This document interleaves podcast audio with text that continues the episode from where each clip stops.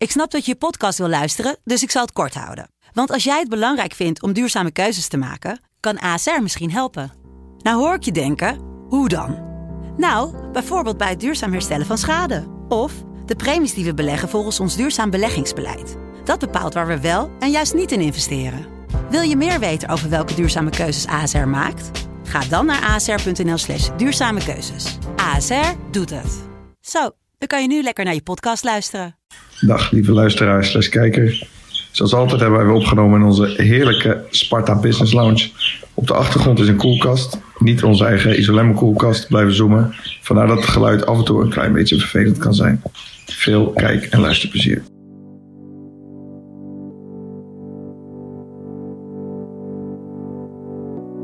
Als tiener kon ik me totaal verliezen in het spel voetbalmanager. Een selectie samenstellen met goedkope buitenkantjes en wonderkids scouten in Zuid-Amerika. En je kon ook heerlijk vals spelen, bijvoorbeeld door het spel gewoon af te sluiten als je een cruciale wedstrijd verloor. Of een nog mooiere truc, twee clubs tegelijkertijd leiden. Dan kocht je met die ene rijke club voor heel veel geld een paar matige spelers van die andere, kleinere club. Die had vervolgens zoveel cash op de bank dat je schofterige bedragen kon uitgeven aan topspelers. En hield je dat een paar seizoenen vol, dan kon je zomaar met FC Den Bosch de Champions League winnen. In het echte leven is de technisch directeur de voetbalmanager. We gaan het vandaag hebben over een vak met een grote aantrekkingskracht, maar waar we toch nooit heel veel over horen. De technisch directeur die het komt uitleggen is Ted van Leeuwen. and it went like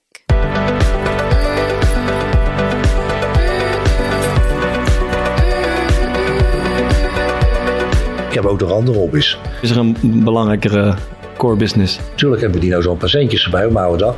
Doe je dat zelf, die bedragen? Of, of, of, eh, of doe je dat samen met een, eh, met een team? Dat kan daar niet meedoen. Zou zijn toon niet veranderen als je zegt van luister, ik heb vier ton voor je. Zo begint het, eerlijk is eerlijk. Ja.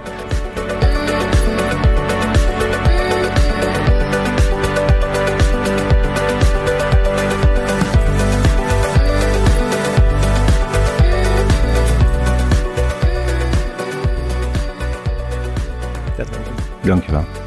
Ehm, ja, je bent eigenlijk ex-technisch directeur, denk ik, geloof sinds een week. Eh, Sinds eh, maandag, ja. Sinds afgelopen maandag. Eh, want je bent een tijdje terug gestopt bij, bij NEC, dat je laatste klus was. Hoe, hoe zien de dagen er tegenwoordig uit? Nou ja, dat was, het is nu precies zeven dagen, en, waarvan er vier verloren zijn gegaan aan griep. Oh, dat. Eh, voor, de, voor de rest ziet het er somber uit. Oké, oké. En hoe, hoe ga je de, de komende tijd invullen? Ben je een golfer of een uh, Nee, vakantieman? helemaal niet. Ik heb het, het, spel voetbalmanager ook nog nooit van mijn leven gespeeld. Dat had ik zou je, totaal niet weten hoe dat werkt. Dat, dan had je alle fijne kneepjes van het vak eh, Kunnen daar leren. kunnen leren. ja. Voilà. Dan was er misschien nog wat van terecht gekomen. En verder, eh padel of eh, Hob- fietsen? Hobby's? Ehm, nee, het werk slok, slokt je zo op. Dan, eh, daar, daar is eigenlijk geen ruimte voor. Ik kijk wel veel eh, beelden. Eh, niet alleen voetballen, ook wel eh, wat je kunt leren van filmregisseurs bijvoorbeeld. Of, eh, of producers. Er is heel veel overeenkomsten tussen muziek en voetbal in alle opzichten. Vertel eens, ja, Ja. daar ben ik wel benieuwd Ga ik naar. ook even voor zitten. Zowel film als muziek. Oké. Nou, nee, maar eh, ehm, nou, film uit te leggen. ehm, ja, want dat wil ik eigenlijk als voorstel doen voor de laatste vraag die je had. Eh, als je, als je, ik heb Steven Spielberg eh, een groot interview van gehoord. En die legde uit hoe het, hoe het gaat als je een film gaat maken. Hij zegt, jij hebt een script of een boek, wat nog een script moet worden. En dan, ehm, dan zie je daar een film in en je wil die film maken. En je hebt die film in je hoofd. Jij ziet dat, pff, chaos. Jij weet waar je naartoe wil, ongeveer.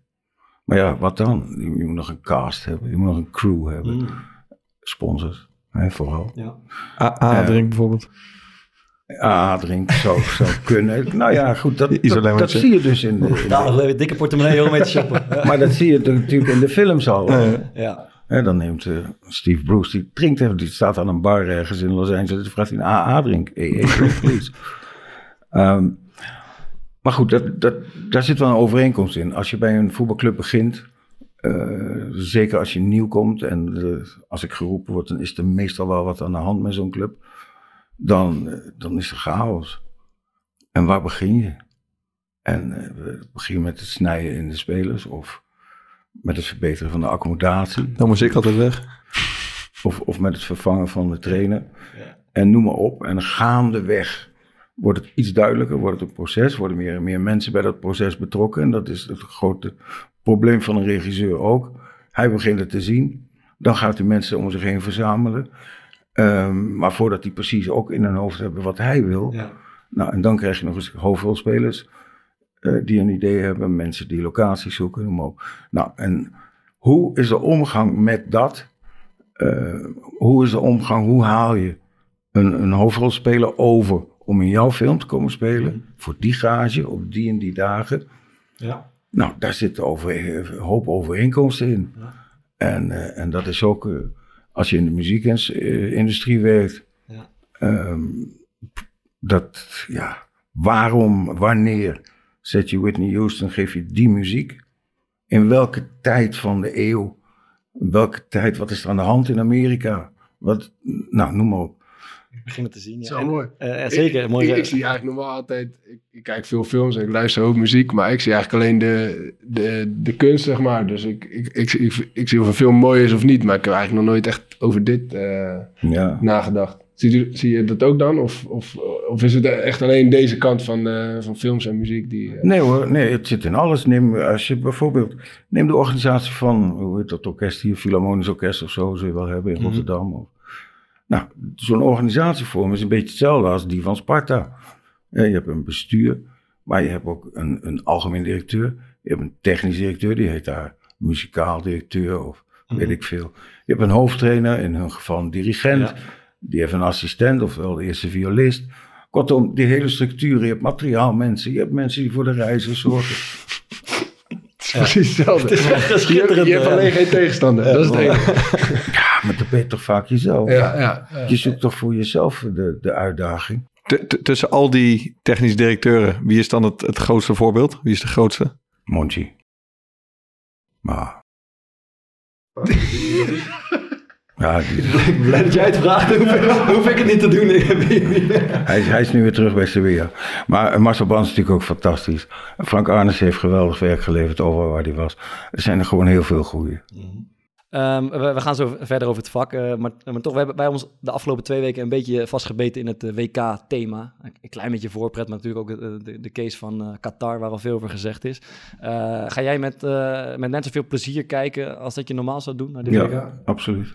En hoe ziet een WK-kijkende Ted van Leeuwen eruit? Nou ja, Oranje hoed op? Schmink? nee, totaal niet. Ik heb, ik heb werkelijk Molen- helemaal molen- niks. Klopt.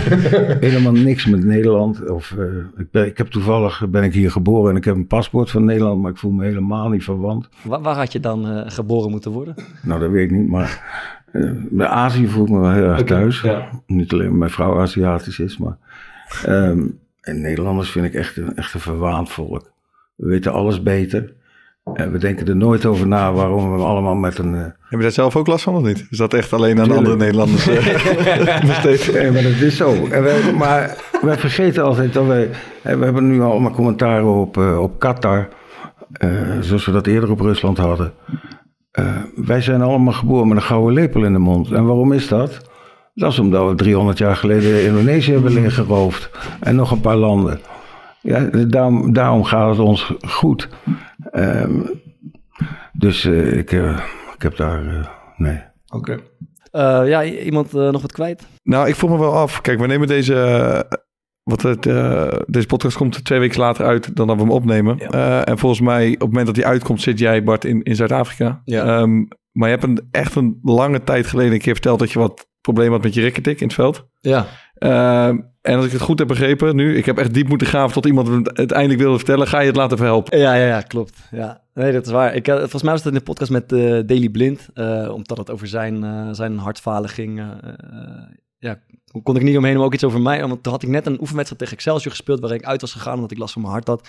Eh, maar hoe lang is het geleden? Anderhalf jaar of zo? Ja. zoiets. Eh, en dat klopt. En sindsdien eh, heb ik een eh, paar onderzoeken gedaan. En heb ik zo'n eh, zo'n onder mijn huid een soort holter gekregen. Dat het eigenlijk real-time een hartslag meet. Eh, voor het geval het nog een keer gebeurt dat ze kunnen uitlezen in het ziekenhuis wat er aan de hand is. Eh, dat is inmiddels nog wel eh, acht of tien keer gebeurd daarna. Ook in wedstrijden. Dat is niemand opgevallen omdat ik, eh, eh, omdat ik er niet uit ben gegaan. Maar een paar keer wel echt vervelend. Gewoon tien minuten lang een hartslag van 230. Eh, dat er niet meer uitschiet, zeg maar. Dus het gevolg is, ik heb een soort eh ritmestoornis die niet kwaadaardig is, zoals het bij Blind en, en Eriksen is. Eh, dus die niet per se gevaarlijk is, maar wel goed is om te verhelpen. Kan je wel, maar je zegt niet gevaarlijk. Maar stel je zou op zo'n moment echt volle bak gaan sprinten. Ja, dat is de enige. Dus dat, één keer tegen, tegen Ajax herinner ik me dat de laatste 10 minuten. En toen schoot het erin. En, ehm, en normaal in een wedstrijd heb je, dan heb je een opstootje, dan heb je een doelpunt of een corner. Kan je Toen schoot het in, maar je zegt het ook een beetje alsof hij je kuit schiet. Ja, ja, maar het toen- schoot in je hart. Dat Dus- ritme schoot in één, in één keer omhoog. zeg maar. Het is, het is eh, totaal willekeurig. Dus het heeft niet eens met een sprint of het kan zomaar in een kopduel of in, na een paas zijn. Het is Mm. willekeurig. En dat, ging, dat hield er maar 10 minuten aan. Maar je weet hoe het is om tegen Ajax te spelen. Er is geen rustmoment. Weer achter de bal aan, weer sprinten. En toen kwam ook wel eens zo'n zon dat ik dacht, tering, zo, dit, ik, moet niet, ik ben echt heel blij als hij nu afsluit. Want anders eh, eh, wordt het misschien zwart voor mijn ogen of iets. Dat was eigenlijk de enige keer dat ik het echt heel naar vond. Uh, maar uh, ik, ik, had geen zin in die ingreep, eerlijk gezegd. Ik dacht ook dat het niet nodig was. Maar toen heeft de arts me toch op het hart gedrukt van... Uh, ik, ik, wil je echt adviseren om het wel te doen. Eh, dus dat ga ik, wat is het, maandag doen. De... Afgelopen maandag. Nee. dat, dat, ga je af. Het is afgelopen maandag dus gebeurd. Ja. we weten niet hoe het is afgelopen.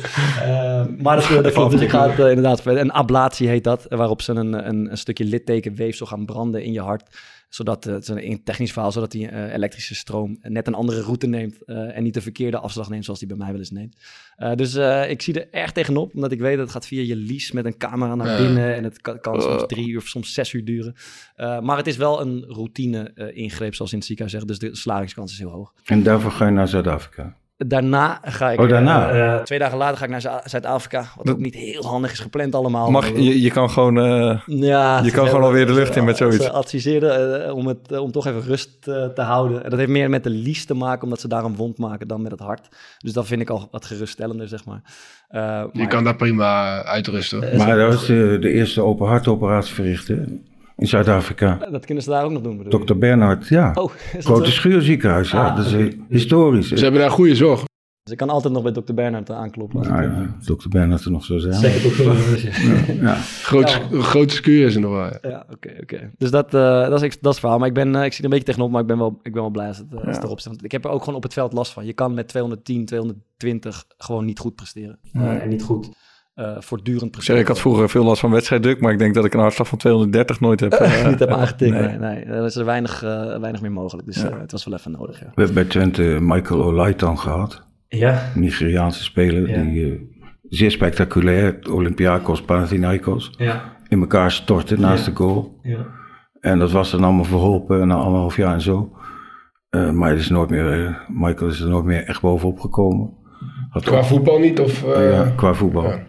En dat had vooral te maken met de medicatie. Dat bleek wel weer een paar jaar later. Ja. Uh, die was niet goed afgestemd en zo. Ja. Dus. Uh, ja, bedankt voor deze bemoedigende woorden.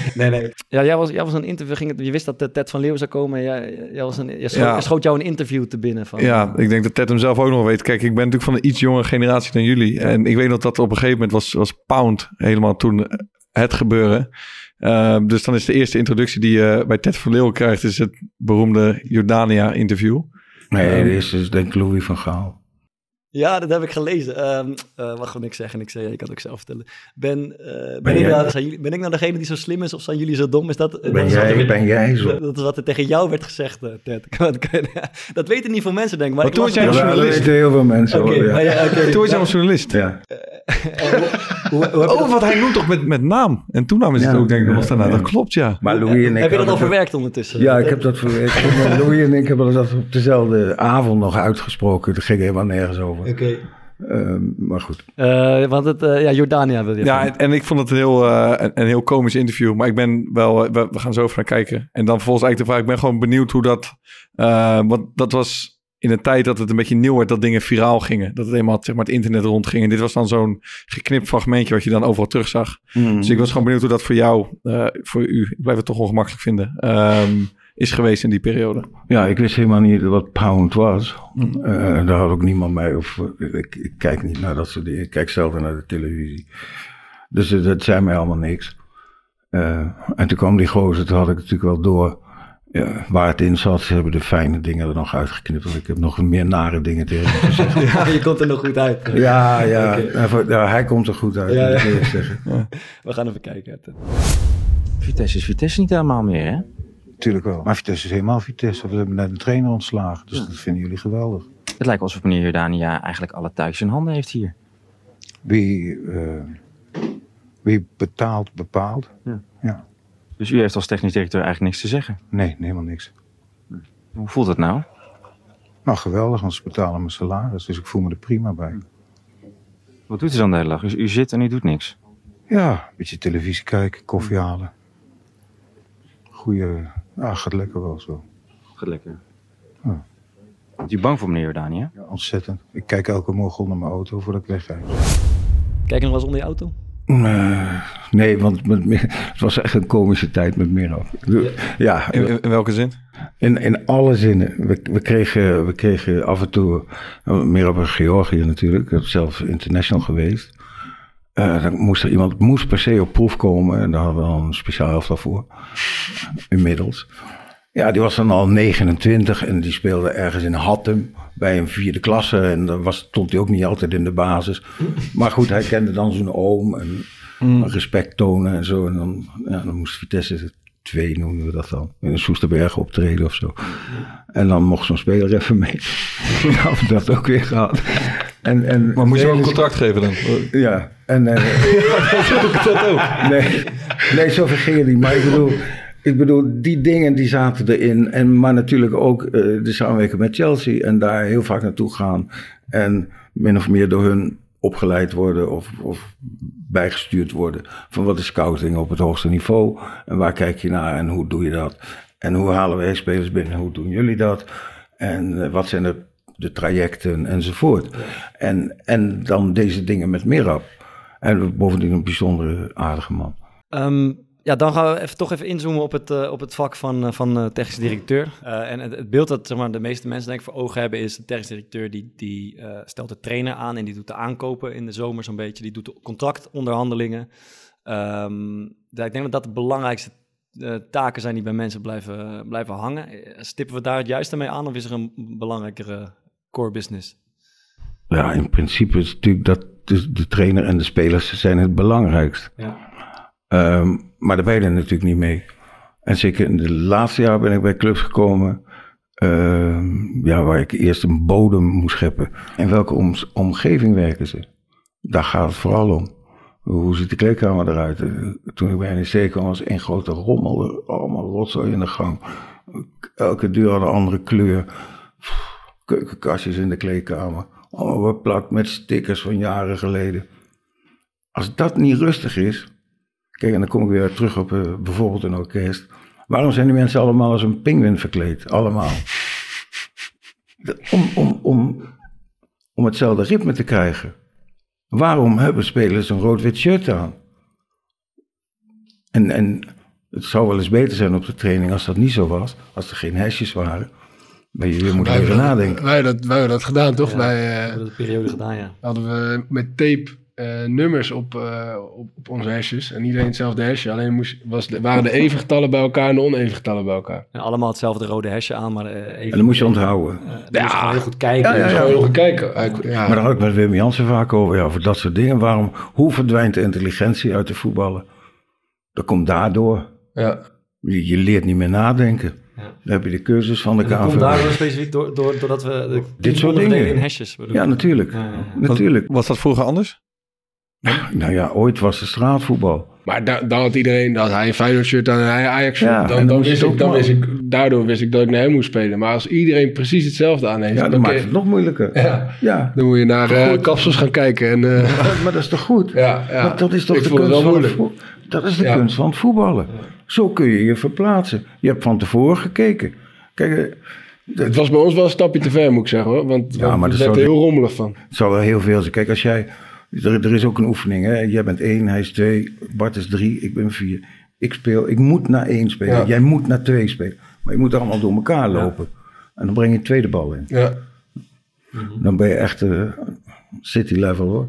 Als je, als je dat kan. Ja, nee, maar het gaat erom. want Ik heb heel lang gezocht naar. Ik, ik hou heel erg van spelers die, ehm, zoals Klaas-Jan Huntelaar, die, die awareness hebben, noem ik dat. Hè? Dus die precies weten wie waar staat, waar het doel staat, welke snelheid de bal kan komen, enzovoort. En die maken automatisch een voorbeweging. Twee jaar met Klaas op geoefend, hè? de voorbeweging van dit naar anderhalve meter te krijgen. Dat lijkt zo makkelijk, je kunt toch zeggen, en dan doe je dat toch, maar zo is het niet.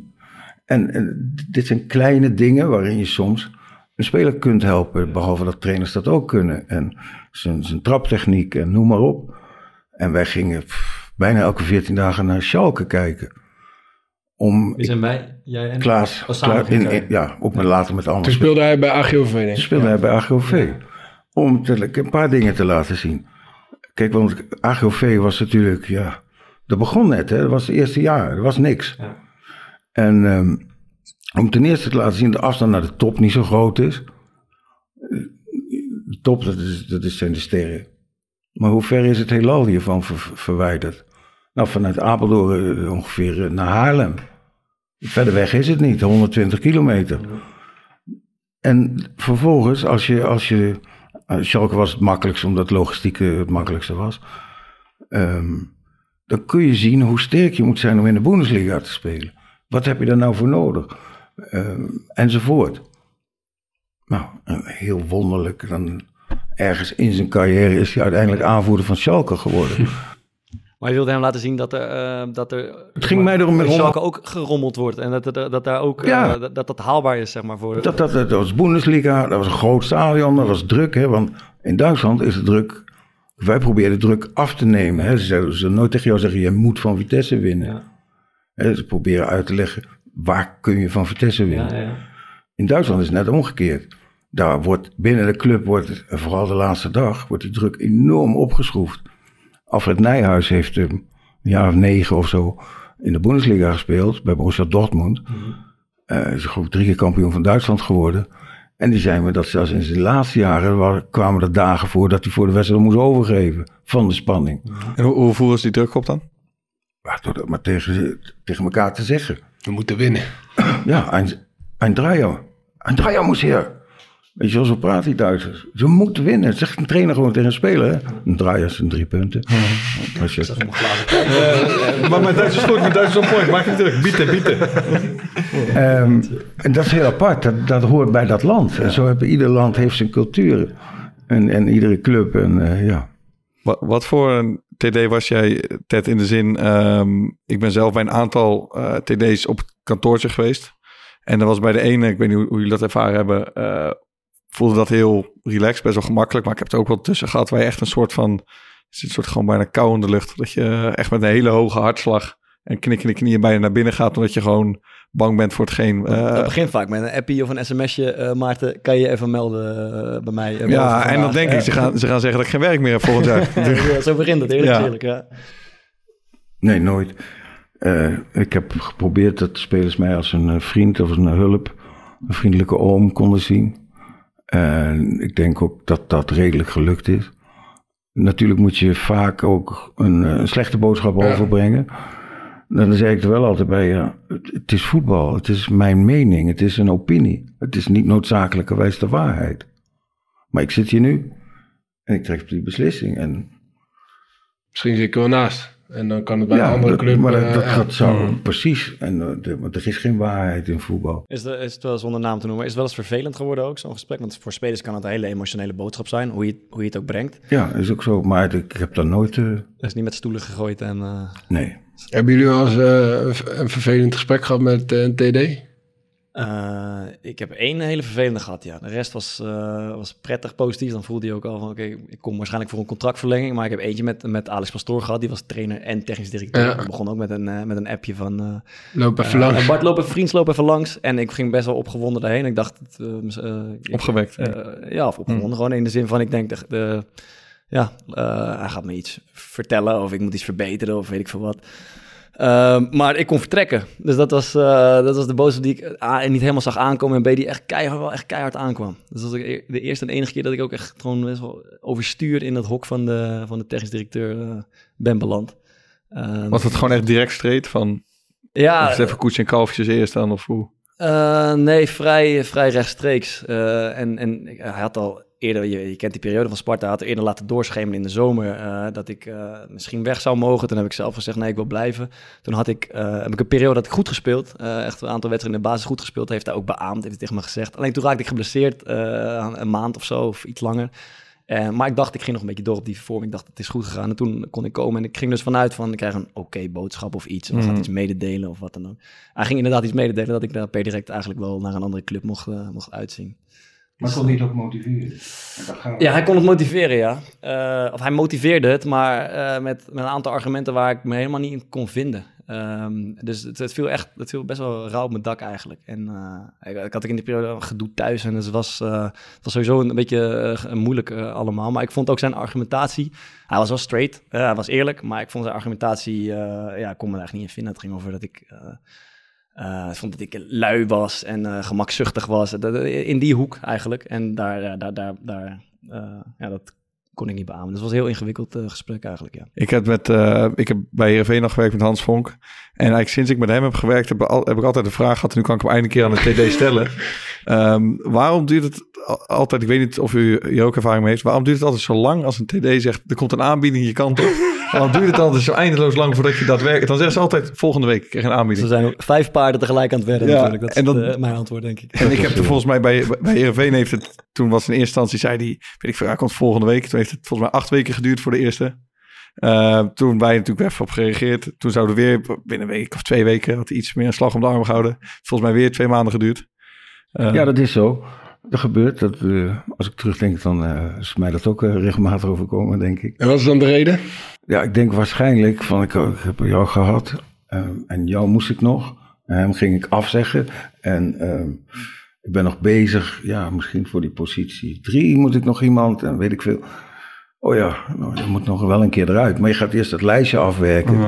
En voordat je die, dat ding uittikt en dan moeten er weer bedragen bij komen. En dan moet je zaakwaarnemer nog weer langskomen. En eh, Doe je dat zelf, die bedragen? Of, of, of, eh, of doe je dat samen met een, eh, met een team? Bijvoorbeeld nu afgelopen, afgelopen periode bij NEC. Bedenk, denk je dan zelf van, nou, ja, deze doe ik eh, zo. Spits heb ik dit. Bart Vriend zit nu op eh 25 per maand. 25, dat doe ik... eh, Tonnetje maak- erbij. Ja. Daar lag om, daar lag Boekhorn om. Nee, maar Ja, hoe nou ja. gaat dat? Nou, eh, ik zit dan meestal bij clubs waar een hele hoop moet gebeuren. Dus je moet een hele vracht spelers binnenhalen. Ja. En dan probeer ik eerst uit te vogelen. Wat zou het gemiddelde salaris zijn? Wat ik voor een speler kan uitgeven. Dus zeg, laten we zeggen drie ton.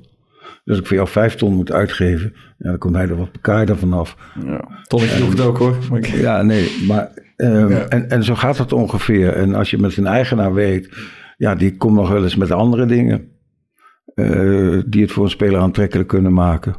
Je moet wel oppassen dat niet alles door elkaar gaat lopen. Eh, dan, dan even het proces. Hè. Ehm, je, je bent technisch directeur en je hebt besloten zelf of samen met de trainer dat je een eh, controlerende middenvelder nodig hebt. Dat de selectie daaraan toe is. Hmm. Hoe, hoe, ga je, hoe gaat dat in zijn gang? Hoe ga je te werk? Nou, dan zoeken we eerst van, van welke... Wat is het type controlerende middenvelder wat je zoekt? Speelt hij alleen of spelen ze met z'n tweeën? Eh, moet hij diepgang hebben of juist niet? Eh, als je Lesse Schöne hebt, dan heb je eigenlijk al een zes. De- die valt altijd... De bal valt hem altijd daar voor de voeten. Ja. Om de een of andere reden. Het is eh, gebleken dat het ontzettend moeilijk is om nog een zes te vinden. Die daar alleen kan, zeg maar de type Sergio Busquets. Überhaupt. Die, Überhaupt? Die sterft uit. Nou, ik was er naar aan het kijken en toen kwam ik erachter dat, dat er heel weinig waren. En je hebt wel eens in een window, dat is er geen rechtsback te vinden. En het jaar daarop kun je er vijf eh, vinden. Eh, Dat is heel af en toe. En ik dacht eerst van, dat is met die zes ook zo. En eh, ik zag wel een hele goede, Castilla, Blanco. Ik kwam met zijn zaakwaarnemer in gesprek en eh, die was ook eh, de zaakwaarnemer van Casimiro. Casimiro was hun zes. Eh, en die wees me er eigenlijk op. Hij zei, ga maar eens kijken internationaal. Dat ze er bijna niet zijn. Ehm, Barcelona heeft toch Frenkie gehaald. Een beetje voor die positie van Sergio. Hij zei, wel, is een goede speler, is een acht. Ehm, toen ben ik er eens verder in gedoken. En toen viel mij dus op dat ze er bijna niet meer zijn. Eh, Madrid heeft Camavinga gehaald. Is ook geen zes. Wel een goede speler, maar geen zes. En kijk wie er nu speelt. Tony Kroos. Dan, is dan stip ik misschien net de verkeerde positie aan voor het voorbeeld. Laten we, want we zijn, we zijn, eh, eh, we zijn op zoek naar zeg maar, het, het, het proces van het vinden van een, laat ik een spits noemen. Alright. Die sterven niet uit, toch die spits? Of zijn er die, eh, of ook? Nee, jaren. Die zijn wel schaars. Nou Nee, ja, het goede is, het is heel belangrijk. Wat volgens mij is spits een hele belangrijke elftal. In, in Wat, wat, wat is het type spits wat je wilt hebben? Hè? Ja, Want er zijn dus heel veel spitsen. Ja. Je hebt Sergio Aguero, zeg maar, de boxspits. Ja, Ehm, je hebt Lauritsen, ja, waar ik zeer van onder de indruk ben. ja. Ik vind echt een goede speler. Mhm. Ehm, en je hebt ook nog spitsen die afstanden over, overbruggen. Ja. Dus dan kies je zeg maar, eh, jij of samen met de trainer. Wat voor Altijd samen met de nodig? trainer. Eh, laat, het een, eh, laat het een targetman zijn, bijvoorbeeld. Ja, je wilt er twee hebben. Dus die targetman hebben we Pedro Marquez toen voor gehaald. Ja, En, eh, en die Mata is eigenlijk voor de afstand. ja. Ehm, nou, en dan heb je een lijstje. Dat, dat lijstje groeit elke, elke week, elke maand. Gaan spelers af, komen spelers bij. Je blijft scouten, het is een eeuwig proces. ja. Dus die lijstjes, die bestaan echt. Ja. En, en dan doe ik het graag zo, dan wil ik het top 5 hebben. Ja. Ja, maar die is ook goed. Ja, mag er maar vijf opgeven. Dus er komen we aan een lijstje van, laten we zeggen, vijf. Dat vraag je aan je scouts bijvoorbeeld. Ja, En kijk je dan naar de beschikbaarheid of is dat gewoon puur op basis van deze vind ik goed? Ja er zit natuurlijk wel een, Ja, er zit wel een limiet element van realisme in. Maar ehm, in principe kijk je wel naar wat zoeken we. Ehm, wat, wie zou er eventueel wel voor ons willen voetballen? Ja. Nee, je hoeft niet naar Sergio Aguero te gaan. Maar, Ja. ehm, nou, en dan probeer je daarvan de beste te krijgen. Maar dat is niet alles, want je begint niet met een spits. Hè. Als je een elftal moet opbouwen, wie speelt er in de spits? Wie speelt erachter? Of weer wel met drie spitsen spelen? Of toch liever niet? Oké, ehm, we kunnen het daarna krijgen. Dan verandert het weer, want we hebben ook Schöne. En zo gaat het maar door. En die lijstjes veranderen. En dan weet je nog steeds niks. Dan heb je er een hele hoop opgehaald. Maar hoe reageren die spelers op elkaar? Hoe komen ze binnen? Maar jij zegt het over zeg maar, die samenstelling van het team. Die jongens moeten bij elkaar passen. Je moet contact hebben met die spelers. Maar hoe, hoe weeg je dat dan? Want dan moet je in gesprek gaan met Ja. die gasten die op die lijst staan. Ja, sterker nog, je moet er meteen beginnen, een keer.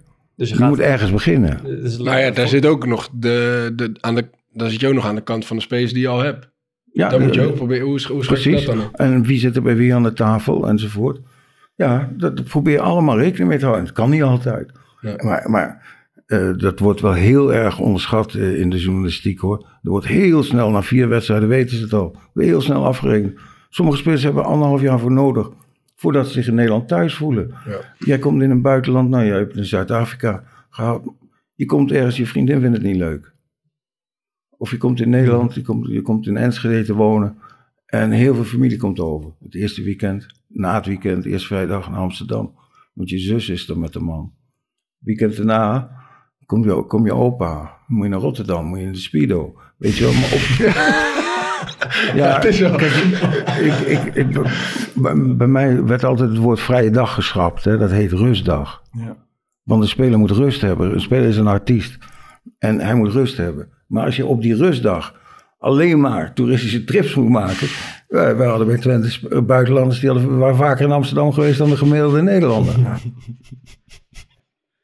Ehm, eh, even kijken, want je, eh, bij het aantrekken van spelers, eh, je hebt nogal wat aangetrokken. ook een paar verrassingen. Bijvoorbeeld, je hebt Jasper Sillissen weten te verleiden om naar NEC te gaan. En in een eerder stadium Mertens en Chatli eh, naar AGOVV. Eh, maar daar moet een soort overtuigingskracht eh, voor. ehm, Ja, Mertens en Chadli waren toen nog natuurlijk eh, hele onbekende spelers. Onbekende toen spelers, ze naar ja. AGOVV, Pas toen ze weggingen bij AGOVV Ja. werden, het, eh, werd- werden het sterren. dat, Kunnen dat- jullie dat verklaren? Waar- waarom hebben die drie jaar in de eerste divisie moeten spelen? Maar Ja. hoe, hoe dat Ja. verklaar is, ja, dat, is, Ja. is niet makkelijk. Misschien, eh, ja, ik, geen altijd dat, ik krijg ik ook niet, ik kan een poging. Ik- Misschien hebben die jongens eh, die seizoenen nodig om eh, sowieso om fysiek sterker te worden, maar ook om zelfvertrouwen te kweken. En dat kan als je, als je op een gegeven moment ah, ja, groeit naar een niveau waar je net iets te goed voor bent. In het geval van spitsen en dan zomaar 20 of 25 goals maakt, dat je ja, daar zoveel zelfvertrouwen en, eh, en power aan ontleent, dat je dat op een hoger niveau kan gaan laten zien. Maar jullie hebben het ook meegemaakt. Hè? Als je goed in vorm bent, als je goed in Ja. veld dan zweeft er iets. En dan kun je meer dan wat je anders kan. Ja, Dat is zelfvertrouwen toch, vooral. laten we het een naam Ja, geven. ja. Hè, maar het komt er Maar over kan je dan meer dan wat je anders kan? Of is dat eigenlijk het niveau wat je hebt, maar zijn er allerlei factoren die jou naar beneden trekken? Voilà. Ja, want het lijkt toch soms, je, kan, je kunt het niet altijd. Nee, maar je hebt het Ja. wel in huis. Uh-huh. En je kan het ook niet oproepen op het moment Nee. dat je het wil. Ja. En, en ja, dat, verba- dat, blijf ik, dat blijf ik altijd Ja, eh, is, wonderlijk. iets mystieks vinden. Ja, Ja, ja. Waar komt het vandaan? Waar eindigt het? Net als Wat- files. Wat, wat, wat, denk jij dan dat, dat de reden is dat zij... eh, die, Laat die even bezinken. Net als Waar komt het vandaan? Waar eindigt dit net als files? Ja, Ik ken een tegeltje kan lekker. weer even. 35 minuten in een file en dan ben je er. En dan denk je, ja, waarom stond ik hier stil? waar is het begonnen? Nee, maar ik bedoel, als, als er een uitgebracht wrak ligt, is het duidelijk. Eh, maar, maar Dat is vaak niet zo. Maar la- bijvoorbeeld het voorbeeld van Sillissen. Hoe overtuig je een speler om voor, eh, voor de club te kiezen waar jij, waar jij voor werkt? Maar Jasper is een verkeerd voorbeeld. Oké, doe ik weer een verkeerd voorbeeld. Ja, Eh, Jasper wou per se terug naar Nederland. Dus ik hoef alleen de deur open te doen. En voilà. ja, oké. Ja, het wordt... Ja. Maar je hebt, je hebt vaak waarschijnlijk ook moeten knokken om een speler eh, naar, naar jouw club te halen. Is daar een strategie voor? Nee, maar ja, op een gegeven moment bouw je natuurlijk wel een reputatie op waardoor het wat makkelijker wordt. Dat ze voor jou gaan kiezen. Dat en spelers, hè, dat is agenten, want agenten spelen wel een belangrijke rol. Eh, een elftal ieder jaar is een, gewoon een puzzel. En je zoekt een zes. Nou, die heeft een zes, jij heeft een zes, hij heeft een zes. Maar dat zijn allemaal andere puzzelstukjes. Dus de goede agenten worden ook niet boos als je zegt, het is wel een goede speler, maar niet voor ons. Ehm, en zo probeer je dat op te bouwen, een, een heel elftal. Nou, en dat was met, met Mertens ook zo. Dat was heel erg, want dat was aan het eind van de window. En we hadden geen, geen geld meer. En Peter Ressel belde mij op, die was de technisch directeur van Anderlecht. En er zaten twee jongens bij hem in de tuin. Dries Mertens en Sven Kums. En hadden allebei geen club en geen toekomst en niks. En ik voelde me zo verschrikkelijk, want ik moest, moest kiezen. Eigenlijk al voor niet één speler geld. Eh, nou, dat is wel een van, van ja, een kenmerkend moment in, in mijn hele leven geweest, ja. Alsof je een soort god was. Dus jij wel en jij niet. Weet je, dat vond ik zo verschrikkelijk. En Sven Kums vond ik ook een prima speler. Ja, dat ging, bijna, dat ging eigenlijk letterlijk zo. Je moest gewoon... eh, eh, Ja, bijna- dat doe je daar niet aan de tafel natuurlijk. Maar. Mhm. maar in je hoofd doe je dat wel aan de tafel. Ja, ja, ja, ja. En, en dan voelde je... ook, eh, ik, ik ben graag open, duidelijk tegen spelers. En dan voel je eigenlijk... Ja, niet helemaal zuiver was dat gesprek. En ehm, eh, die rol van zaakwaarnemer, zeg maar. Hoe, hoe groot Ja. is die rol? Hoe, hoe, ziet jouw, eh, hoe ziet jouw inbox eruit, grof gezegd? Nou, de- ja, er- zijn natuurlijk een paar eh, die alleen maar op het geld uit, uit zijn. Maar het is wel een vehikel in, in het hele proces van transfers. Het is wel een zaakwaarnemer die jou een speler eh, onder de aandacht kan brengen. Je hebt hem ook wel eens nodig om hem eh, jouw kant op te duwen. Zijn er, zijn er zaakwaarnemers die, eh, die, die je echt hoog hebt zitten, ook voetbalinhoudelijk? Ja, die, die ook. Maar er zijn er meer, veel meer, die, die zeggen van... eh, Dat is een fantastische speler. Eh, ton, ja, ze hebben allemaal. Ja, ze hebben echt allemaal fantastische spelers. Maar wat ik wel heel vaak heb meegemaakt: van oké, dan zit er een verschil in, in de prijs. Dus ja, doe die speler met twee ton minder, maar ik wil mijn provisie behouden. Dat is echt heel vaak. Ja, dus dat, eh, ah, precies. Ja, dat, dat hoor je wel vaker, maar dat zaakwaarnemers achter de rug van de speler eigenlijk aan jou als technisch directeur vragen, eh, als je mij nou dit geeft, dan is die speler tevreden met dat en dan hebben we Ja. een deal. Ja, Hoe reageer je er dan op? ja kijk. Je wil die speler hebben. ja, ik heb een budget Ja. en dat vind ik het waard. En eh, hoe die speler en de zaakwaarnemer het verdelen. Ja. Zal mij een zorg zijn, alleen als het te gek wordt. Ja. En de speler zou zeg maar, in de verkeerde rangorde in de kleedkamer terechtkomen. Ja, want dat ga je, dat ga je. Ja. Overbetalen is niet goed, maar onderbetalen is ook niet goed. Ja. Dat krijg je na verloop van tijd weer op je bordje. Mhm. En, eh, maar ik, vond, ik vind het wel frappant hoe makkelijk, eh, hoe makkelijk sommige agenten dat zijn. Maar ze zijn lang niet allemaal zo. Maar je, je bent er wel getuige van, zeg maar, dat een zaakwaarnemer eigenlijk een speler besteelt. Eh, Ja, kun je het bestelen noemen? Maar net zei je ah, wel. dat je vaak voor spelers kiest, ook ten, ten opzichte van, eh, van de clubs. Maar goed, Maar nu kies je voor de zaakwaarnemer. nou, ik, ik heb een budget en dat budget mogen hun verdelen. Ik kies niet voor de zaakwaarnemer. Ja, maar in dat opzicht zou je toch ook kunnen zeggen in het verhaal van die Zimmerman... dat je, je Ah ja, jezelf van je budget eh, Die had geen zaakwaarnemer, maar het, het is, dat, dat komt niet zo vaak voor. Ehm, maar goed, als, als spelers, goed, ik kan niet meer geld geven. Ik heb vier ton, zeg maar. Maar ga Ja, zeg maar je, dan zou het, je zou het een speler kunnen zeggen direct van... luister, ehm, ik heb vier ton voor jou, maar je nee, zaakwaarnemer wil want twee ton... contact loopt via de zaakwaarnemer. Als ik hem wil hebben, dan zegt hij bij mijn zaakwaarnemer... want ik wil er niet meer lastiggevallen worden... want ik moet, eh, ik moet eh, zonder voetballen. Ja, maar zijn toon, zou, eh, zou zijn toon niet veranderen als je zegt van... luister, ik heb vier ton voor je, maar je zaakwaarnemer wil, minim- wil minimaal de helft? Ja, maar zo gaat het meestal niet. Zo gaat het meestal niet. En, en en, kijk, eh, spelers verdienen. Ja, ik, als ik een budget geef, dan is. Ik ben niet zo'n onderhandelaar die als ik vier ton heb, bij twee ton begin, eh, heel langzaam opschuif, tot we ergens in het midden uitkomen. Ik vind gewoon, en dat, dat, dat weten de meeste zaakwaarnemers ook, dat vind ik het waard. Nou, dat kan eens een keer ietsje meer worden, maar dat is het. En eh, niet dan eh, neem een ander voor dat bedrag. Nou goed, en hoe, hoe spelen en zaakwaarnemer. Er zijn ook zaakwaarnemers die komen met de speler op het moment dat er over geld gepraat wordt. Ja. Dus dan is het wat eh, transparanter. Ja, het is veel transparanter. John Veldman en zo, die, die doen dat altijd. Ja, ik, zou- ik zou het wel lastig vinden als ik eerlijk ben. Dat, eh, dat je zeg maar weet dat, dat een zaakwaarnemer niet helemaal eerlijk is tegen een, tegen een speler. En jij werkt vervolgens- vervolgens ja. nog... eh, Wat is eerlijk?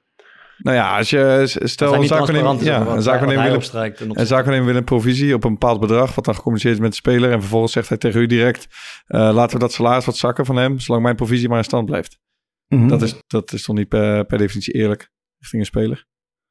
Ja, of dat, dat, dat bepaal ik niet of dat eerlijk is. Dat mag die speler bepalen. Ja, maar die weet het niet op dat moment. En nu weet het wel en nu wilt investeren in een Ja, maar in goed, een als die speler tevreden is met de pakweg drie ton salaris. En of die zaakwaarnemer nou een ton of anderhalve ton daarvan overhoudt. Dat die speler niet weet dat het 350 was. Ja, oké. Maar dan heeft hij misschien een verkeerde zaakwaarnemer gekozen. Ja, dat. Maar ik vind, dan- ik dan- vind maar dat toch niet aan mij zeggen. om, om die zaakwaarnemer aan te grijpen en zeggen... jij moet dat aan die speler geven. Het komt, het komt niet heel vaak voor. Hoor. Nee, ik snap het. maar, vertelde net ook dat je veel eh, investeert in relaties met, met spelers, toch? Ik geef veel van mezelf. Ja, Ja. in, in, in- van Dus- de 12 uur per dag die je Ja, hebt. dus, dus als, je, als je dan een relatie opbouwt met iemand, tenminste, dat zou ik dan, dat zou ik dan wel moeilijk vinden, zeg maar. Als je dan weet dat het niet helemaal, nou ja, dat het niet helemaal fair voelt dat, en een speler het niet weet, dan zou ik het wel denken Maar dat weet ja, ik niet of een speler. Ik bemoei me daarna niet meer mee. Nou, ja, Ze zijn akkoord. Er wordt getekend. Je hebt het zelf ook meegemaakt. en dan gaat het niet meer over geld. Nooit meer. Oké. Komen zoals rare eisen of eh, Ja, vragen op tafel? de meest rare eisen komen. Kan- kan je iets Maar goed, iedereen, iedereen is vrij om te vragen wat hij wil. Natuurlijk, doe elkaar er iets? Nou, dat- ja, ja, van, van doelpunten tot... eh, die zijn er ook nog zat, hè. Een doelpunt geld. Ja, doelpuntengeld. Is toch belachelijk? Heb je er wel eens toegezegd? vaartje Nee. AFC. Dus dat is altijd een struikelblok. een principe bij mij nooit. En zijn er, nog, zijn er nog meer principes? Maar ik weet nog wel dat, eh, dat bij Roda is nog wel eens gevoetbald. Volgens mij was Kalesiek trainer. ja. Die hadden twee spitsen die allebei op doelpunten Ja.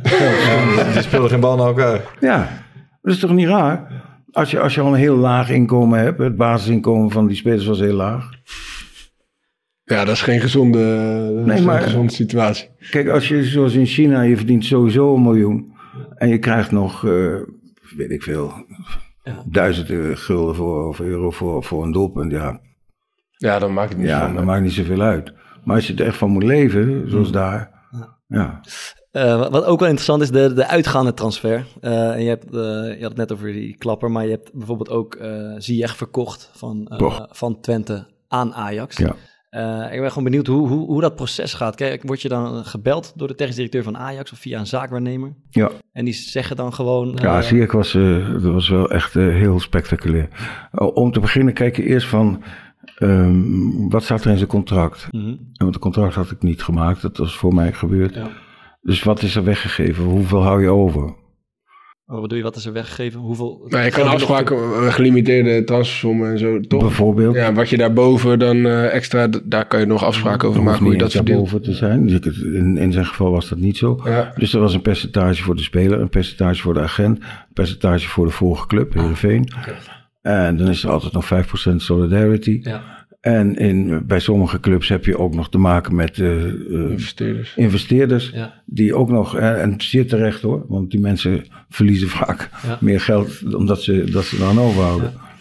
Ehm, dus dat maakte, dat maakte de boel moeilijk. Dus dan ga je eerst rekenen van, oké, als we dit vragen, dan houden we dit over en hier zijn we tevreden mee. Ja, en, en eh, Twente was toen echt in een hele moeilijke situatie. Ik heb ook 20 Geen spelers verkocht of zo. Nou, verre van dat. eh, was toch eh, dat jaar dat er geen Europees meer, voetbal meer gespeeld mocht worden? mocht worden. Een puntenaftrek en weet ik veel. Ehm, en zij hadden een, eh, een financieel reddingsplan opgesteld. En dat, bas, dat was gebaseerd op Hakim Ziyech. Op de waarde van Hakim Ziyech.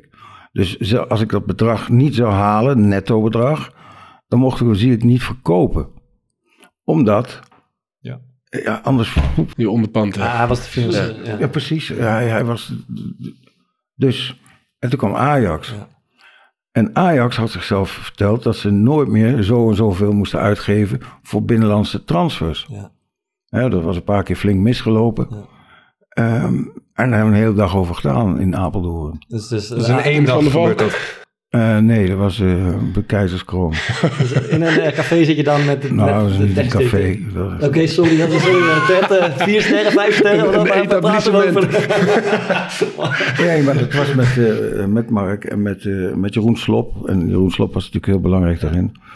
Ehm, nou, en toen zijn we uiteindelijk bij elkaar gekomen. Maar je moet heel veel, alles moet passen. Ja. Ehm, Ajax had net in dat weekend ervoor met 4-0 in Rostov verloren. Niet in het weekend, in de week. Ehm, en de, de window dreigde dood te gaan. Hè? Dus zie je, ik had al vier wedstrijden gespeeld. Hoe verschrikkelijk veel zaakwaarnemers, clubs ik voor hem over de vloer heb gehad, dat wil je niet weten. Daar ben ik zelfs nog voor bedreigd, maar dat is een verhaal op zich. Ehm, Dat vinden wij wel interessant op zich. wel benieuwd naar. Laten we daar, laten we daar eens mee beginnen. hoe, hoe- hoe is dat gegaan? Maar nee. Eh, maar goed, uit- uit- uiteindelijk onder druk wordt alles vloeibaar, zei eh Aldo van der Laan altijd. En dat is ook zo.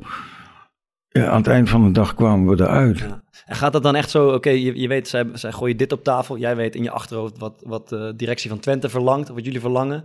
Eh dan geef je iets tegenover, zij gaan met elkaar praten. eh, even los van elkaar, ze komen weer terug met een tegenvoorstel. Ja. Dat ga jij wegen. Precies zo. En, zo, en dan uiteindelijk kom je aan het eind van de middag eh tot Ja, iets. zo, het- pas toen we echt op tafel gooiden wat en hoe het in elkaar zat en waarom ik dat en dat streefbedrag moest halen. Oké, dat heb je pas aan het eind van de dag verteld. Nou, niet aan het eind van de dag, ergens midden op de dag. Ja. Eerst begin je gewoon te onderhandelen. Maar toen dat er lag, toen kwam langzaam Ajax ook met ja, wat hun pijnpunten waren, eh, waaraan zij hadden moeten voldoen. En toen hebben we het gevonden. En de oplossing was gevonden in finale van de Europa League en de Champions League. Nou, Daar zaten wat premies aan vast. hè. premies aan, wat gaan we toch nooit halen? Dus hebben ze allemaal gehaald. gehaald, Allemaal. Ja, die is al lekker zeg. Ja. Maar eh, dat is wel interessant, want er waren meer kapers op de kust. Eh, Zie- Zie je, had toen de week daarvoor volgens mij nog even in zijn eentje eh, van ons gewonnen. Ja, dat is ik ook volgens mij zijn laatste wedstrijd. Eh, ja. Vreselijk was dat. Ja, maar goed, maar goed, Hakim moest ook, weet je wel, Ja. Die kon niet meer. Nee, Maar je- ja, maar- die was in zijn eentje. Ja. Dat hele Twente. eh, Maar je zegt er waren nogal wat, eh, wat kapers op de kust. Ja, maar niet. eh, ik heb wel Ha- Hakim zijn wensen moeten, moeten respecteren. Maar we kunnen allemaal wel roepen, beziekt als. ge- eh, ja, dat is ook nog zo mooi. Dan komen de Italianen en dan lees je in één keer in de krant dat AS Roma 18 miljoen over heeft. Dan krijg je het voorstel van AS Roma. Ja, dat is dan ongeveer 2,5 miljoen. Eh, als hij dan 40 wedstrijden heeft gespeeld, komt er nog eens dat bij. Als hij 425 doelpunten heeft gemaakt, nog eens dat. Weet je wel, we moeten ongeveer tot 73 blijven voetballen. Maar je- jij leest het in de krant. En ga je dan zelf naar Nee, nee, Roma nee, nee, nee, nee, dat staat in de krant. Oké, maar ga je dan zelf Ja, daar naar doe ik Roma helemaal bellen? niks mee. Dat interesseert me geen, verder geen flikker. Ik wacht tot er een fax komt van Roma.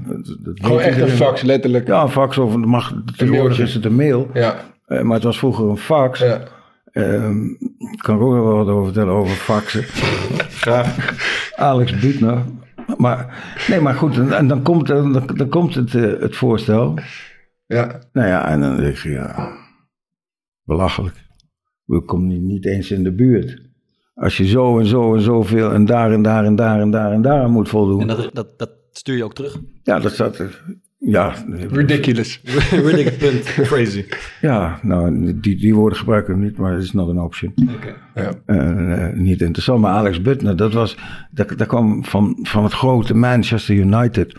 Op, eh, de- ik weet niet of jullie dat nog kennen, de Slank bij Vitesse.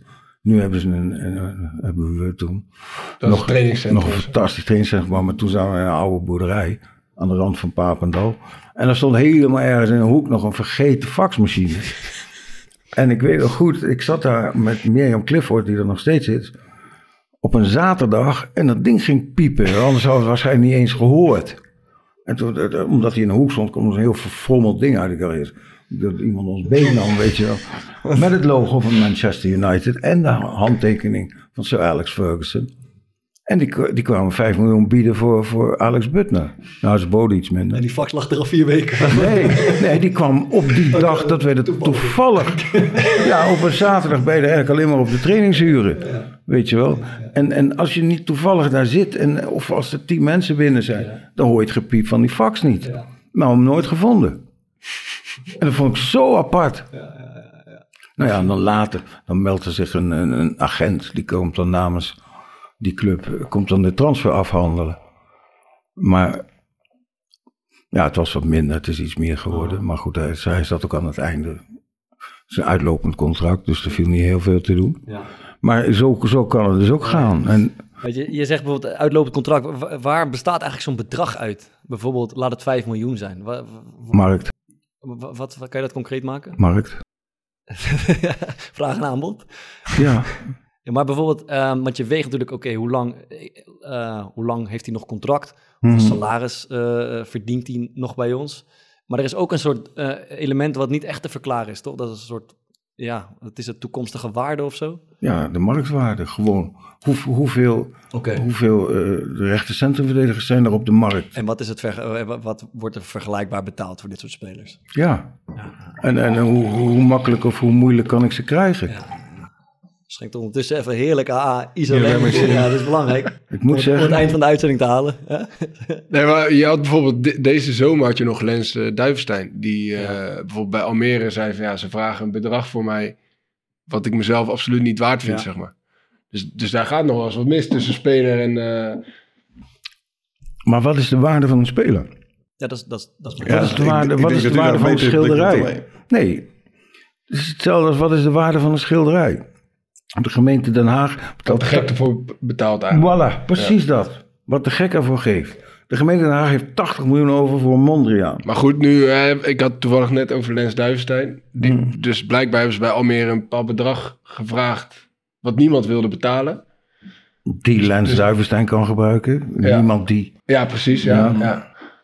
Ehm, dus dan is het niet wat de gek ervoor geeft. Want er, er, is geen, er was geen gek die het wilde geven. Voilà, dan is die er niet. Dus dan is dat toch niet zijn waarde. Dus dan klopt het wel wat hij zegt. Of hoe, Ja, dat hoe is zijn dan? waarde van dat moment. Ja. Maar oh, hoe dringend heb je de Lens Duivenstein nodig? Ja. En heb je hem heel dringend nodig, maar je hebt geen geld? Ja, dan houdt het verhaal ook op. Ja. Ik heb eh, lang, veel langer dan met Chelsea, met City mogen werken. En ik heb dat proces eh, een beetje kunnen inzien en, en doorzien. Toen zij begonnen met, met het geld uit, eh, uit Abu Dhabi, toen hadden ze een, een bepaalde structuur en een elftal voor ogen. En de beste linksbuiten, laten we zeggen, was Cristiano Ronaldo. En ze betaalden het salaris wat Cristiano Ronaldo verdient. Maar ze hadden Robinho. Want de echte komt nog niet. Weet je, en dan moet je in het begin moet je overheen. Dan moet je spelers verleiden. Dus als ik hem bijvoorbeeld naar Helmond Sport zou willen halen, dan moet ik daar misschien wel anderhalf miljoen. Het daarvoor doen? Ja. Voor anderhalf miljoen? Salaris? Mhm. Ja, natuurlijk. Helmond Sport. Nee. Ja, Ja. anderhalf miljoen gast. Maar goed. ja, maar praten we over Maar dat is deze discussie. Nee, maar dat, dat, dat is, Zou je daarvoor naar Helmond gaan? we hebben clickbait. maar dat is dus verleiding. En verleiding speelt ook een rol in wat is de waarde van een speler. ja. Ik zit niet te denken aan eh, mijn tijd dat ik nog bij de amateurs speelde. Toen was ik in gesprek met Katwijk. Die kwamen... toen? Ja, kwamen altijd met een, eh, met een fucking grote eh, doos zalm aan. Gewoon altijd. Want, want hun hoofdsponsor was vis. eh, dat vond ik wel mooi. Ja. En dat heeft jou ook over de streep getrokken. hè? Nee, ik heb nooit bij Katwijk gespeeld. wel, genoten van, die- wel, wel genoten van die zalm. Hè, Zo zeker, lust geen vis. Helpt dat niet. Slecht gekozen. Nee, maar ik bedoel, zo zijn de, daarom verdien je in China meer, daarom verdien je in Rusland meer. Omdat het leven daar minder is. Aan minder aantrekkelijk is. Ja, zij moeten meer betalen om spelers Je te verleiden. En, eh, en ja, dat kan ook zijn in Helmond of Os of weet ik veel. Eh, dat, dat, dus dus wat, dat soort dingen bepaalt de waarde van de speler. Hoeveel ehm, spelers zijn er op dat moment op de markt? Ehm, tot, ja, tot slot denk ik de, de kwestie eh, data in het voetbal. Scouting eh, op basis van het blote oog en, en scouting eh, op basis van, van data, van statistieken. Hoe, hoe maak je daar, of heb je daar gebruik van gemaakt en hoe zwaar weegt dat? Ik heb voordat ik nou, net na de COVID een aantal eh, reisjes gemaakt naar collega's. En eh, ik, in Italië was ik vooral benieuwd bij clubs als Atalanta en Bologna. En die dat erg goed doen. Hè? Die hebben echt volkomen onbekende spelers gehaald die fantastisch in het systeem passen. En hoe hebben ze dat nou gedaan, wilde ik weten. Uh, Robin Goossens had ik ooit zelf eens bij Vitesse gehaald, maar die was niet eens goed genoeg voor het tweede. Dat is ook zo'n voorbeeld. Weet je, een- Hmm. Doet nu al aardig. kan dat? eh, ja, precies. Hij wordt Duits international. Ja. En, en, en ehm, maar, maar anyway, de Atalanta was er bijvoorbeeld zeer in gespecialiseerd. En de vertrekkende mensen, nu is Lee Congerton daar de baas, eh, die kon ik nog spreken en, en de nieuwe mensen. En die zeiden, als we, als we geïnterviewd worden, dan vragen ze ons altijd naar data. En om geen oud- oldschool te lijken, zeggen we altijd, ja, dat is interessant. Maar data vertellen helemaal niks. Wat ze wel vertellen van, oké, jouw spits scoort gemiddeld 12 goals. hè, De afgelopen zeven jaar 12 goals, dan kan je dat ongeveer invullen. Niet een keer een jaar met, met 33 en alle andere jaren met 11, 12. Dan, dan, maar voor de rest, data vertellen heel veel, die, het, het wordt misbruikt en, en er zit een groot gevaar in dat je een verkeerd soort supporter aan het opleiden bent. Analisten, iedereen lult er maar over, ze komen terug in, in allerlei spelletjes. Maar welke, welke data vertellen jou over iets over een slimme speler? Wie, wie, welke data vertellen jou of er een paaslijn wordt uitgehaald? Niks. Hij kopt een bal weg, hij wint een kopduel. En ze winnen een kopduel met balverlies. Weet je, Kevin De Bruyne heeft er heel aardige dingen over gezegd. En dat kun je ook zien. Hij maakt daar een bal vrij op het middenveld. Tussen drie man in. Verstuurt een wereldpaas over 70 meter de hoek in. De bal wordt teruggetrokken door Foden. En, en eh, Mares die tikt hem in. Wie krijgen er een vermelding? Foden en Mares. De, de createur van... Maar je hebt wel onderliggende data toch, die dat wel een beetje Ja, kan ja, ondersteunen. jongens, kom op. Al die dingen, die kun je toch zien in een wedstrijd of niet? Zeker. De uitstraling van iemand. Een wedstrijd ontwikkelt zich. Elke wedstrijd is er weer een, een avontuurtje op zich. Iedere wedstrijd ontwikkelt zich wat anders. Het collectief falen van de tegenstander of van jezelf. Noem maar op. Dus data is eh, ja, leuk voor die mensen die jou een goede conditie moeten bezorgen. En, eh, spierballen. Eh, maar of je daar, daar haal je geen goede spelers mee uit. Oké. Ehm, we, we sluiten zoals altijd af met de aanraders van de week. Ik ben benieuwd, Ted. Ja, dat is een, een documentaire over Clive Davis. En die documentaire heet The Soundtrack of Our Lives. Clive Davis was zo iemand die eh, uitzocht welke muziek eh, voor welke artiest op welk moment beschikbaar was. En die man heeft het maar liefst 40 jaar aan de top volgehouden. 40 jaar. Eh, die documentaire, die ehm, nou, niks moet. Maar als je die gaat bekijken, dan zou ik de deur op slot draaien. ehm, niet gestoord wordt, telefoon afzeggen, zetten. Hem in één keer uitkijken, het duurt ongeveer twee uur. En vooral goed opletten en tussen de regels door lu- luisteren. Mooi. doen, denk ik. Ja, Mooi. ja. Thomas. Ik, kwam, eh, ik was op zoek naar een mooie film op eh, volgens mij op Netflix. En eh, toen kwam ik langs eh, een van mijn favoriete regisseurs, eh, Martin Scorsese. En, eh, eh, en de film Casino staat, eh, staat op Netflix. Dat is een film met eh, Robert De Niro. Eh, Joe Pesci speelt er ook in, Sharon Stone. Het is zo'n oldschool De Niro maffia film over de opkomst van, van onder andere Las Vegas. En het is een fantastische film met muziek van de Rolling Stones natuurlijk. En ja, ik, eh, ik ben van plan om ze op een gegeven moment allemaal aan te raden, de films van eh, Scorsese. Dus ik ben, eh, ik ben hard op weg. Je zit, even goed, je zit goed voorlopig. Ja, ja, ja. Nee, ja ik, ik had natuurlijk eerder Goodfellas al gedaan, dus nu Casino. Ja, kom maar. Vriendje. Ja, ik ben afgelopen vrijdag naar eh, Ronald Goedemond geweest in het eh De La Mar Theater, cabaretier. En ik heb echt een vreselijk leuke avond gehad. Ehm, ik heb best veel eh, comedians gezien de afgelopen jaren, maar dit was misschien wel een van de, eh, van de, van de beste shows. Heel, eh, ja, een beetje absurd, maar het hele slimme dingetjes. Ehm, ja, dus eigenlijk is mijn aanrader, ga daarheen. Ik weet niet eens of er nog ergens kaartjes zijn, ik denk het wel. Eh, maar het is echt de moeite waard als je een leuke avond wil. Netjes man. Kijk, ik liep de laatste tijd een beetje tegen een probleem aan. Ik, ik heb een best wel oude scooter en die is heel erg luidruchtig. Maar ik luister graag naar podcasts als ik op de scooter zit. Dus ik moest een keer noise cancelling oordopjes hebben. Maar die had ik nog niet. Dus ik ben weer even zonder jullie toestemming gaan snabbelen. Hier zijn ze. Het zijn de Linkbuds van Sony. Wat is dit nou weer? ja, ja, ja. Wacht. Zeg eens wat? Sorry. ja, Ik hoor- ja, noise ik zie cancelling. Nee, dus ehm, het, Bij noise cancelling hoor je toch juist... eh, hoor, nu hoor ik weer. Nu hoor ik weer. Ja, nu hoor ik je goed. Nee, ehm, ik had nieuwe oortjes nodig. Ik heb ze bij Sony gevonden. Ze zijn gemaakt van eh, gerecycled plastic. Nou, toen was ik eigenlijk al verkocht. Eh, er zit geen plastic in het verpakkingsmateriaal. Maar ik dacht, ik ben nu wel op het punt... ik kan niet iets gaan aanraden zonder ook iets voor jullie mee te brengen. Dus ik heb voor jullie oortjes geregeld. Ik heb voor Ted oortjes geregeld. Eh Ted, je kijkt erg enthousiast. Ik zie dat je er eh, ontzettend, eh, ontzettend blij mee bent. En ook voor de luisteraars heb ik oortjes geregeld. Eh, ik kan nog drie paar weggeven. Eh, de link staat in de show notes. Kan je opklikken eh, als je er kans wil maken. De linkbuds van Sony in de show notes. Mooi man. Oké. Mooi aanraden. Ja, toch? Old school scooter. Oké. Ehm, ja, we moesten nog even één ding benoemen. Eh, volgende week zijn we er even niet. Nee, Door eh, mijn vakantie. veel plezier. Eh, dankjewel, dus die slaan we even over. Ehm, en we hebben in de kleedkamer 1 een WK-pool. Die is, eh Ja. is die al van start dan eigenlijk? I- Isolemme Cup. Speelt Nederland niet eh, op de dag dat deze uitkomt eh, zijn eerste wedstrijd? Nee, twee dagen later denk ik zo. Twee dagen later. Ja. Dan Dus, begint het... eh, Daar kan je nog, eh, nog steeds voor de kleedkamer 1 aanmelden. Ook Dan gaan niet we waar. het nabeschouwen op de... Nee, allemaal niet. Nee, een paar dagen later. Dus eh, meld je aan, eh, dat zou leuk zijn. Dan gaan we ook weer eh, nabeschouwen op deze, op deze aflevering onder andere. Zo en we gaan eruit met, eh, met een liedje en eh, ook die is eh, van Ted van Leeuwen. Welke gaat het worden? Ehm, doe maar hard of gold. Doe maar hard goal. Neil Young. Mooi. Uh, dankjewel voor je komst, eh, Ted. Dank jullie wel voor het gesprek. Goeie reis terug. Tot over twee weken. Tabé.